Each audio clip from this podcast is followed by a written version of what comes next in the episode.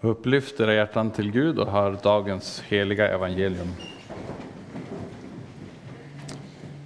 Vi läser ifrån Matteus 15, vers 21-28.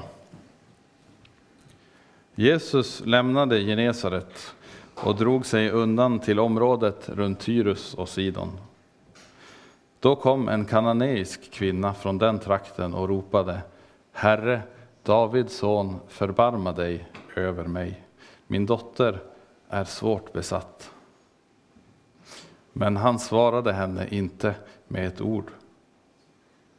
Då gick hans lärjungar fram och bad honom skicka iväg henne. Hon går ju bakom oss och ropar.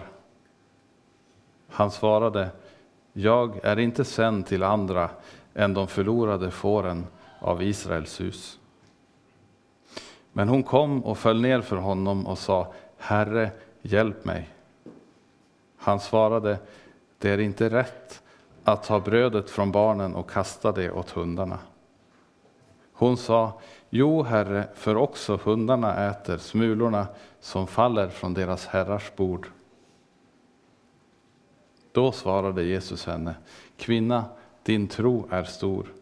Det ska ske för dig som du vill. Och från den stunden var hennes dotter botad. Så lyder det heliga evangeliet. Lovad vare du, Kristus. Nåd vare med er och frid ifrån Gud, vår far och Herren Jesus Kristus. Låt oss be. Käre himmelske Far, tack för att vi än en gång får samlas kring ditt ord. Tack för att du vill tala till oss. Tack för att du vill ha med var och en av oss att göra.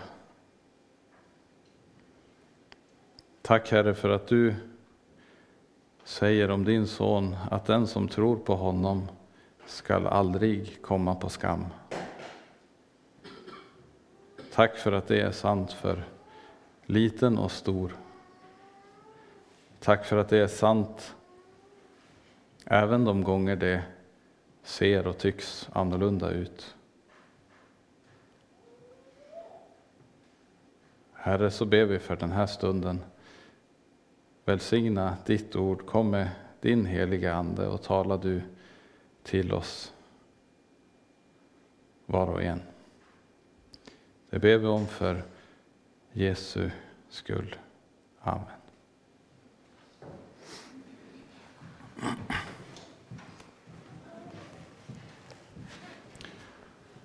Vi har läst om två olika personer. Jakob i Gamla testamentet och en kvinna i Nya testamentet som vi inte får något namn på. En kananeisk kvinna.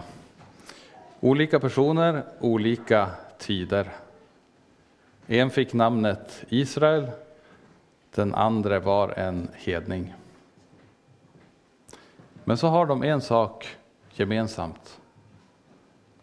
De kämpade och vann seger. I fallet med Jakob så står det ju uttryckligen så. Han kämpade med Gud och vann seger. Och den kananeiska kvinnan, hon vann också seger. Även om det inte står uttryckligen så läste vi om hur hon kämpade och till slut fick det hon ville. Och sättet de segrade på har de också gemensamt. Ängeln sa till Jakob, släpp mig. Och så svarade Jakob, jag släpper dig inte förrän du välsignar mig. Den kananeiska kvinnan hade flera tillfällen att ge upp och släppa Jesus. Han svarade henne inte med ett ord. Och när han svarade så sa han, det är inte rätt att ta brödet från barnen och ge och kasta det åt hundarna. Men hon släppte honom inte.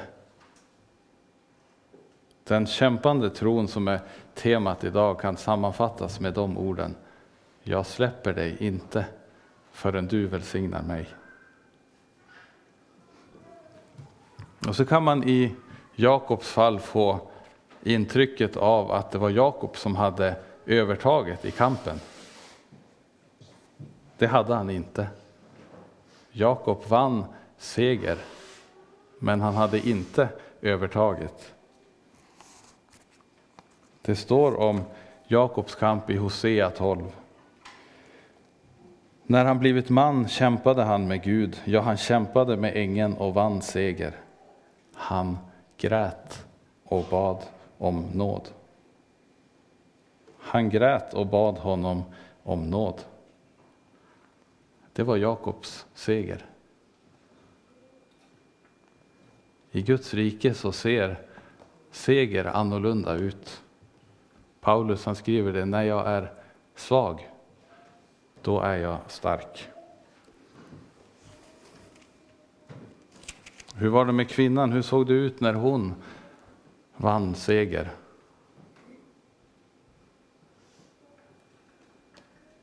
Jo, ordväxlingen med Jesus slutar med att hon faller ner för hans fötter. Och där vid Jesu fötter så vinner också hon seger. Vi läste ifrån Matteus 15, samma händelse skriver också Markus om i Markus 7. Men vi läste alltså från Matteus och bakgrunden är den att Jesus har varit i samtal med några fariseer och skriftlärda. Ehm, de hade gjort sig möda med att få möta Jesus. Jesus var i Galileen och de här fariseerna och skriftlärda de hade rest från Jerusalem till Galileen för att träffa Jesus. Och så får de ett möte med honom och de samtalar om vad som gör en människa oren. Och fariseerna får höra att det, det inte är som de tror, att det är det som kommer utifrån som gör människan oren. Nej, säger Jesus, det är inifrån. Det är från hjärtat som orenheten kommer. Och så får de höra att de med sina stadgar är hycklare och att det är om dem profeten Jesaja säger detta folk ärar mig med sina läppar, men deras hjärtan är långt ifrån mig. De tog illa vid sig, står det. När de fick höra sanningen av Jesus så lämnade de honom. De tog illa upp och lämnade. Och Jesus sista ord blir vers 14. Låt dem vara. Låt dem vara. Ser du kontrasten mot kvinnan i vår text? Hon får också höra sanningen av Jesus. Men allt som hon möter drar henne bara närmare och närmare honom.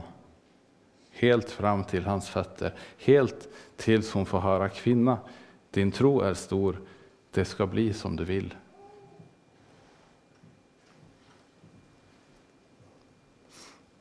Kvinnan möter fyra, fyra prövningar, läste vi. Först Jesu tystnad. Han svarade henne inte med ett ord. Och så lärjungarnas oförstånd. Skicka iväg henne. Hon följer ju efter oss och ropar.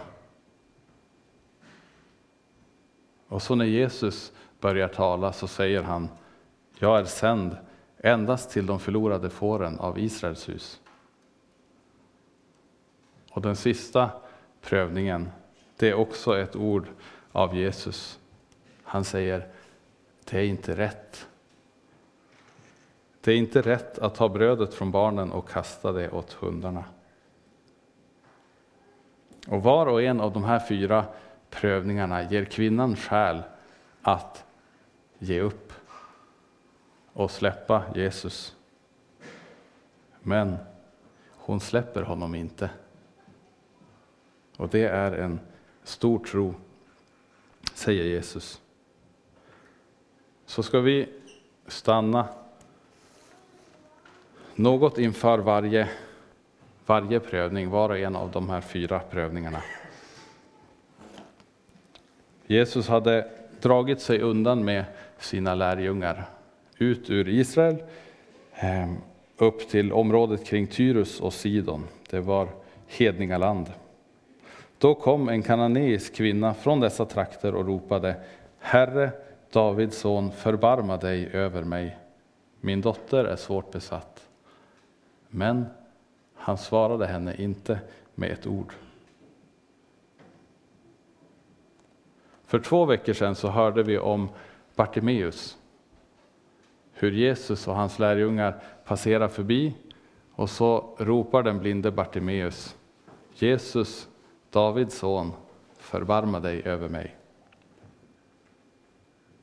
Och den gången svarar Jesus, vad vill du att jag ska göra för dig? Och idag så har vi en kvinna som ropar samma sak. Herre, Davids son, förbarma dig över mig. Han svarade henne inte med ett ord. Varför?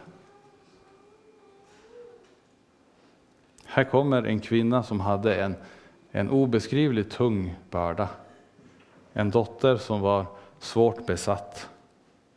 Och vi, kan, vi ser av parallelltexten i Markus att hon var fortfarande ett litet barn. Hon var ett, ett barn, står det. Och så kommer hon till honom som sagt, kom till mig, alla ni som arbetar och bär på tunga bördor, så ska jag ge er vila. Den som kommer till mig ska jag aldrig visa bort. Han svarade henne inte med ett ord. Och så kan vi tänka, vad var det för fel? Var det fel på kvinnans bön?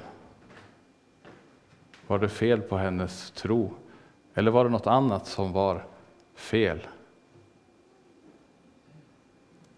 Nej, Jesus handlade med henne annorlunda än vad han gjorde med Bartimeus. Men han handlade också med henne i kärlek. På samma sätt som han handlade med Bartimeus i kärlek. Men annorlunda. Det står i en sång Jesus vet vad jag tål. Jesus visste vad kvinnan tålde. Det ska vi ha, ha med oss. Och Jesus vet också vad du tål. Du som kämpar med dina bördor. Och du som kanske också har gått till Jesus med bördorna utan att det händer något. Du ser kanske hur andra får hjälp och vila hos honom men dig svarar han inte med ett ord. Då får du komma ihåg att han handlar med dig, också med dig i kärlek. Jesus vet vad du tål. Han tiger stilla i sin kärlek. Han gör det ibland, det står i Sefania 3. Han gör det inte alltid, men de gånger han gör det så gör han det i kärlek.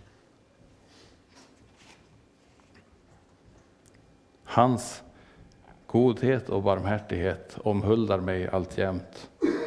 Om än han låtsas annat är löftet dock bestämt.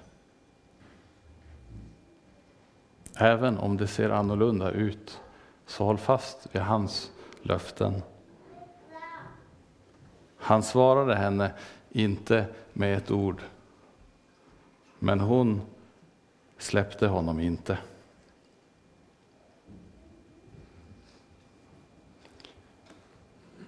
Jesus var tyst, men hans lärjungar tog till orda. Eh, och det blev kvinnans andra prövning. Hans lärjungar gick då fram och bad honom skicka iväg henne. Hon följer ju efter oss och ropar. Vi förstår att trots Jesu tystnad så fortsätter kvinnan att ropa. Och så högt så att lärjungarna blir besvärade. Kanske diskussionen med fariseerna låg kvar i bakhuvudet om vad som var rent och orent. Den här kvinnan var en hedning. Hon var oren efter judisk tankegång. Ja, hon var både oren och besvärlig. Skicka iväg henne, Jesus. Men inte heller lärjungarnas oförstånd och kärlekslöshet var skäl nog för kvinnan att släppa Jesus. Och det skulle heller aldrig få bli skäl för någon av oss. Det är lätt att hitta fel på Jesu lärjungar. Det är det också idag. Bröder och systrar med fel och brister. Kärlekslösa, klumpiga, oförståndiga. Och så är det så lätt att börja leta fel. Och så är det så svårt att sluta. Det är att bryta mot det åttonde budet.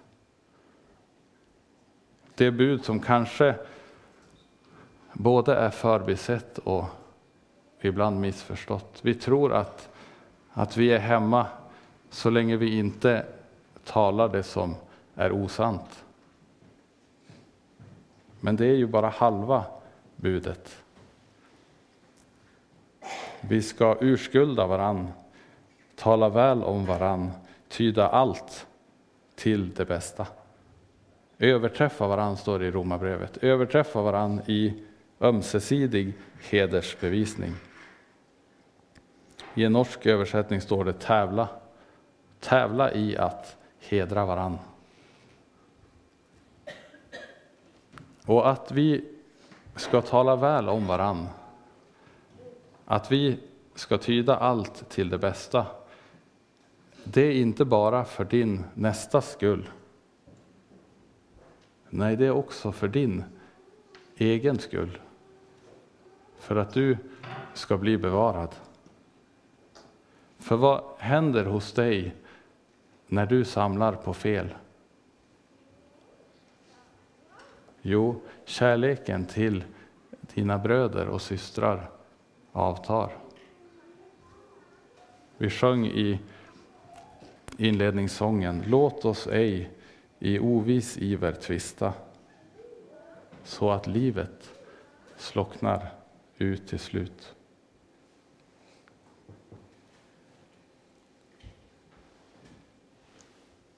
Så kommer kvinnans tredje prövning. Det kan se ut som att Jesus håller med sina lärjungar.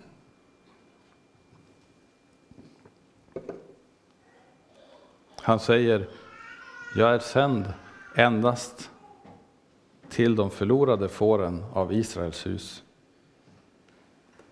Så blir kvinnan påmind om omständigheterna. Hon var en hedning, han en jude, sänd till judarna. Vad hade hon egentligen för rätt att be till honom? Omständigheterna var så att hon stod utanför. Hon var inget Abrahams barn och här hade hon bett Davids son om hjälp. Men han var visst inte sänd till sådana som henne. Vi vet att det inte var skäl nog för Jesus. Vi kan läsa om att Jesus hjälper en, hjälpte en hednisk officer. Han botade en gång en spetälsk som var samarit.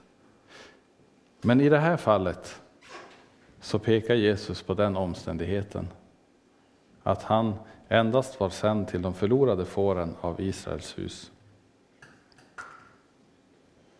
Och så får vi förundras över och lära oss av kvinnans tro. hon släpper honom inte. Det ska inte du heller göra. Det finns en som gärna vill påminna om omständigheterna. Och när omständigheterna gör sig påminda, när samvetet anklagar och säger att du, som du är, inte har någon rätt att be. Ja, att du står utanför. Att du med dina fall och nederlag, med dina tvivel, din otro, din likgiltighet för Guds ord. Ja, när alla omständigheter pekar på samma sak, du kan inte höra honom till. När samvetet anklagar så, då ska du göra som, som Luther skriver. Se på denna kvinna och lär dig att vid sådana tillfällen förhålla dig så som hon gör. Bry dig inte om omständigheterna, utan säg, jag må vara vem som helst, det betyder ingenting. Ty fast jag är en syndare så vet jag att Kristus inte är någon syndare, utan att han är både rättfärdig och nådig. Därför vill jag frimodigt ropa till honom och för övrigt inte bry mig om någonting. Jag har inte tid att tvista om jag är utvald eller inte, men jag känner att jag behöver hjälp. Därför kommer jag och begär den i all ödmjukhet. Du som har så många om, omständigheter. Lär av kvinnan, gör som kvinnan. Hon kom och föll ned för honom och sa Herre, hjälp mig.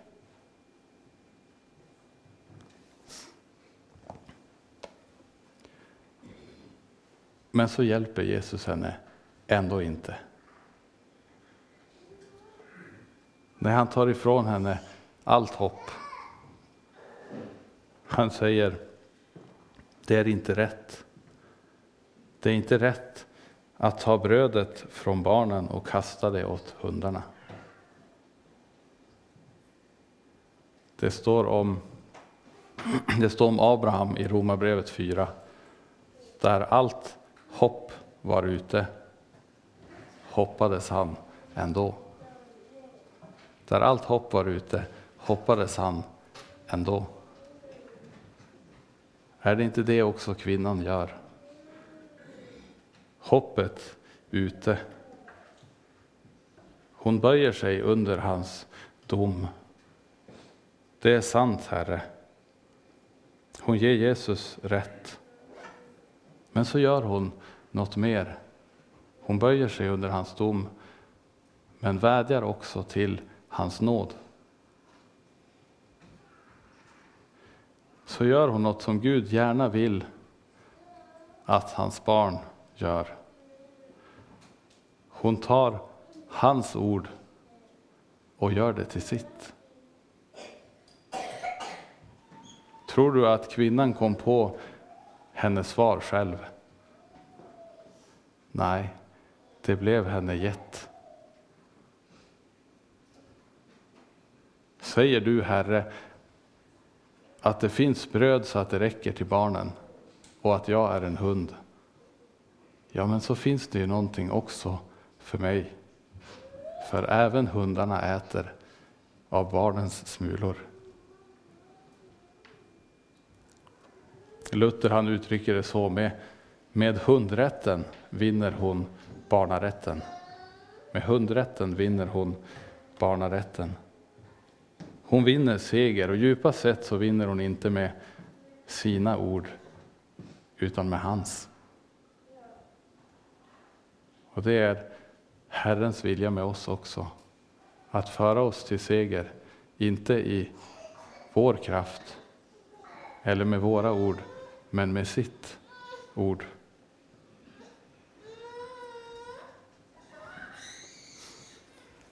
Det står om en annan i Gamla testamentet som vann barnarätt. När Mefiboset står inför kung David så faller han ner för sitt ansikte och så säger han till David, till kungen, vad är din tjänare att du skulle bry dig om en sån död hund som jag? Men så slutar det med att Mefiboset alltid åt vid Davids bord som en av kungens söner. Han vann barnarätten och den gången så var det för, för hans far Jonatans skull. För kvinnan och för oss så är det barnarätt för Jesus skull.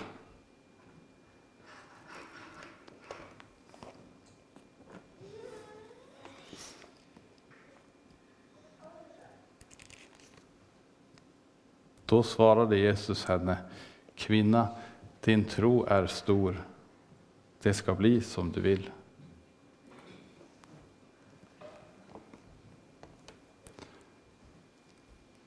När blev kvinnans tro stor? Det är värt att lägga märke till. Det var nog trostyrkande för kvinnan att komma hem och se sin dotter frisk. Se att det hade skett ett under.